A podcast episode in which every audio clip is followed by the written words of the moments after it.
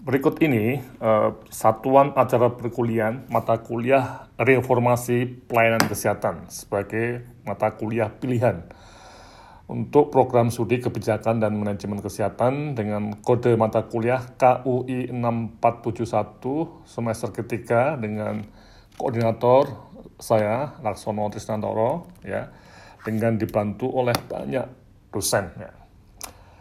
Deskripsi, mata kuliah ini membahas reformasi sistem kesehatan yang bertujuan meningkatkan kinerja sektor kesehatan.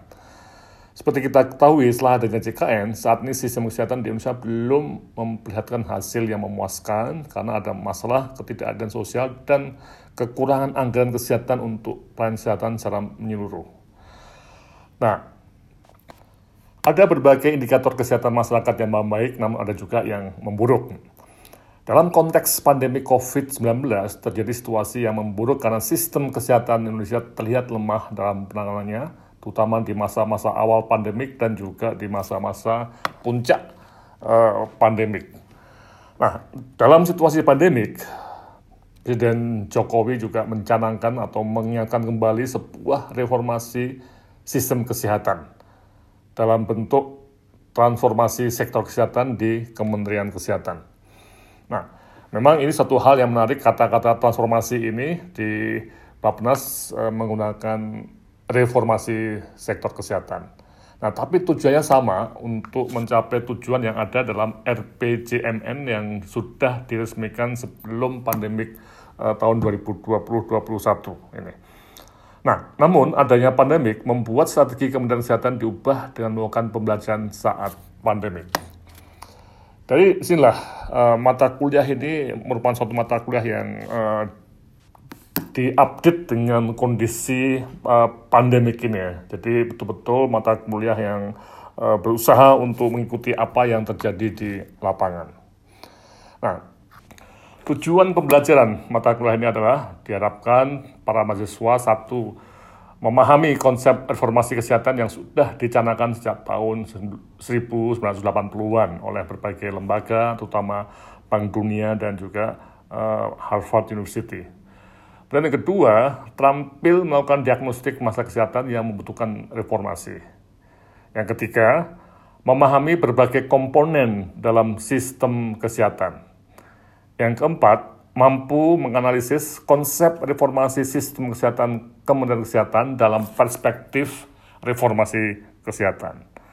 Nah, keempat uh, tujuan ini yang kita coba uh, capai dengan berbagai modul dan juga dalam mata kuliah ini juga ada praktikum. Ya.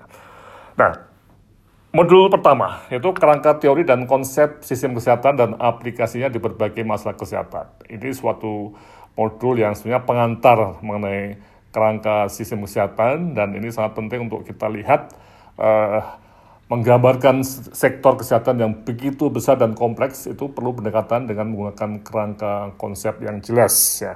Dan ini sudah dibahas pada mata kuliah dulu yaitu mata kuliah kebijakan dan manajemen kesehatan. Nah, kerangka konsep ini itu perlu ada suatu reformasi yang tentunya akan jadi dasar bagi kita untuk melihat ke depan ya. Di sini eh, sesi ini berusaha untuk memahami sistem kesehatan dan reformasi kesehatan, kemudian memahami dampak pandemi COVID-19 terhadap sektor kesehatan dan juga mulai nih bagaimana kita melihat transformasi sektor kesehatan dalam uh, perspektif atau bentuk reformasi. Modul kedua, kita akan masuk pada praktikum diagnostik ya dan terkait dengan tombol-tombol kebijakan. Nah, ini yang uh, melakukan satu kegiatan yang sifatnya uh, praktis ya dan nanti akan dipimpin oleh uh, Bu Sita, uh, Bu Sita Listia Dewi sebagai instruktur untuk uh, mendiagnosis uh, berbagai masalah kesehatan dan mulai untuk berpikir mengenai mengatur tombol-tombol kebijakan. Kemudian kita akan masuk ke modul ketiga, yaitu komponen-komponen dalam reformasi kesehatan. Dan ini banyak sekali komponennya yang bisa diatur. Uh, kalau kita melihat apa yang ada di model kerangka konsepnya WHO dengan komponen blocks ya atau blok komponen-komponen dan juga modelnya uh, Universitas Harvard dengan menggunakan tombol-tombol kebijakan, maka kita akan melihat berbagai um, komponen yang perlu kita uh, cermati betul ya. Dalam modul ketiga ini, itu yang pertama adalah mengenai kerangka konsep kebijakan pembiayaan ya. Yang ini yang sudah mengambil pembiayaan akan lebih memahami uh, ringkasan dari apa yang harus kita lihat ya nih. Sesi ini difasilitasi oleh uh, Pak Fauzi ya. Kemudian kita masuk ke sesi 32 mengenai kerangka konsep mekanisme pembayaran untuk dokter dan lembaga pelayanan kesehatan yang difasilitasi oleh uh, Pak Andre Meliala dan ini suatu uh, komponen yang sangat-sangat uh, menarik untuk kita lihat tapi sangat-sangat luas juga ya. Dan memang kalau kita lihat tiap-tiap sesi itu memang satu mata kuliah sendiri di awal ya. Jadi ini kita bisa melihat ada suatu apa yang kita sebut sebagai ringkasan atau hal-hal yang penting untuk kita masukkan dalam konteks pemahaman kita akan reformasi kesehatan. Kemudian sesi 33, inilah Prof. Adi Utari ini adalah regulasi di sektor kesehatan. Nah, ini yang menarik ya kalau kita lihat uh, regulasi ini ada di semua uh, bidang dan di semua komponen. Jadi ini kita lihat ada pendekatan yang istilahnya itu pendekatan memaksa ya dan juga mengatur uh, perilaku lembaga dan juga uh, sumber daya tenaga kesehatan. Nah inilah uh, sesi ketiga. Ya. Kemudian sesi ketiga empat mengenai kerangka konsep pengorganisasian pelayanan kesehatan di layanan primer, dan juga layanan sekunder, rujukan, dan sebagainya. Nah, ini akan diberikan oleh uh, Bu Niluh Putu Andayani, seorang konsultan senior di uh, PKMK. Ini.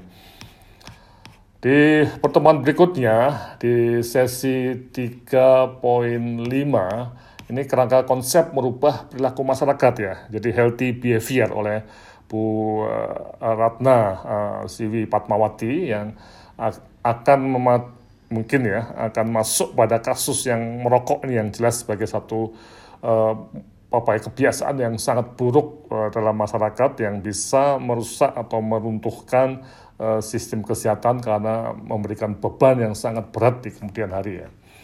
Nah ini ini adalah masalah uh, human behavior ini. Kemudian di sesi 36 kita membahas mengenai kerangka konsep uh, industri obat dan alat kesehatan dan juga termasuk tentunya adalah teknologi di sini yang sebuah uh, komponen yang sangat penting tapi selama ini memang belum begitu banyak uh, penelitian ataupun data di uh, sektor ini. Dan adanya pandemi COVID-19 menunjukkan bahwa perlu ada penataan mendalam terhadap komponen ini termasuk bagaimana aspek ketahanannya. Kemudian sesi 37 itu akan membahas mengenai informatika kesehatan ya, yang kita tahu semua transformasi digital ya, itu sudah melanda semua sektor kehidupan manusia. Nah tentunya di kesehatan juga sangat penting untuk kita pahami bagaimana uh, informatika kesehatan itu akan menjadi pilar yang sangat penting atau kunci dari sebuah reformasi uh, kesehatan. Oke, nah dari sinilah kita sudah melihat berbagai komponen ya yang merupakan gabungan dari pendekatannya Universitas Harvard dan juga uh, komponen blok WHO. Ya. Nah kita akan masuk kemudian ke modul keempat yaitu pendekatan tematik ya nih. Nah ini menarik ya kalau kita lihat dalam konteks outcome sistem kesehatan tentu yang dicari adalah penurunan uh, misalnya prevalensi penyakit atau mungkin peningkatan uh, kesehatan masyarakat yang diukur dengan life expectancy yang meningkat dan sebagainya. Nah, kita akan coba untuk masuk pada tema-tema penting di dalam problem masyarakat yang bisa menjadi semacam ukuran atau indikator proksi untuk meningkatkan status kesehatan masyarakat. Yang saat ini sedang menjadi tantangan besar adalah uh, masalah-masalah yang disebabkan oleh uh, ya tadi penyakit-penyakit katastrofik termasuk di sini tentunya stroke ya ataupun uh, cancer yang juga terkait dengan berbagai uh, apa situasi sebelumnya seperti adanya diabetes mellitus dan sebagainya. Nah, tema-tema berbasis uh, problem masyarakat ini yang diangkat uh, dalam sesi ini dan apakah uh, prinsip reformasi sektor kesehatan itu bisa masuk ke tema-tema ini. Nah, Nanti akan ada satu panel diskusi yang bersama-sama dengan timnya. Kita akan coba diskusikan dengan topik adalah uh, kebijakan diabetes, juga mungkin termasuk stroke di dalamnya. Kemudian modul kelima adalah analisis kebijakan reformasi sektor kesehatan. Nah, ini yang kita ketahui pada uh, saat ini uh, istilah yang ada di Kemenkes adalah transformasi sistem kesehatan. Nah, ini akan kita lihat dalam konteks perspektif konsep reformasi sektor kesehatan. Nah, ini akan ada suatu diskusi panel dari uh, oleh ya berbagai uh, sumber, tentunya para dosen ya dan juga mungkin dari pihak luar. Kemudian juga akan ada suatu panel juga untuk transformasi sistem kesehatan dalam perspektif desentralisasi kesehatan dan peran serta swasta. Nah ini, ini yang menjadi isu kunci. Kita akan masuk pada sebuah uh, apa ya kenyataan ya bahwa sistem kesehatan itu sudah didesentralisasi di Indonesia. Juga anggaran uh, dana untuk kesehatan itu peran serta swasta itu besar sekali dan juga mungkin di masa mendatang akan semakin meningkat. Nah, bagaimana uh, respon dari eh, pihak-pihak uh, di daerah dan swasta ini akan coba kita bahas uh, untuk ke depannya bagaimana reformasi ataupun transformasi itu bisa dijalankan dengan baik. Nah, ini akan ada suatu panel diskusi. Oke, setelah itu nanti kita akan review uh, seluruhnya. Demikian SAP mata kuliah reformasi sistem kesehatan ini, eh, semoga para mahasiswa dapat menyiapkan perkuliahan-perkuliahan dengan baik dan tentunya mengacu pada kuliah-kuliah yang sudah ada yang di masa lalu atau di masa semester 1 dan 2 itu sudah disampaikan. Kita coba remind lagi, kita dalami lagi, dan kita bingkai dalam perspektif reformasi sektor kesehatan yang di dalam konteks Kemenkes menjadi istilahnya transformasi sektor kesehatan. Sekian dan terima kasih.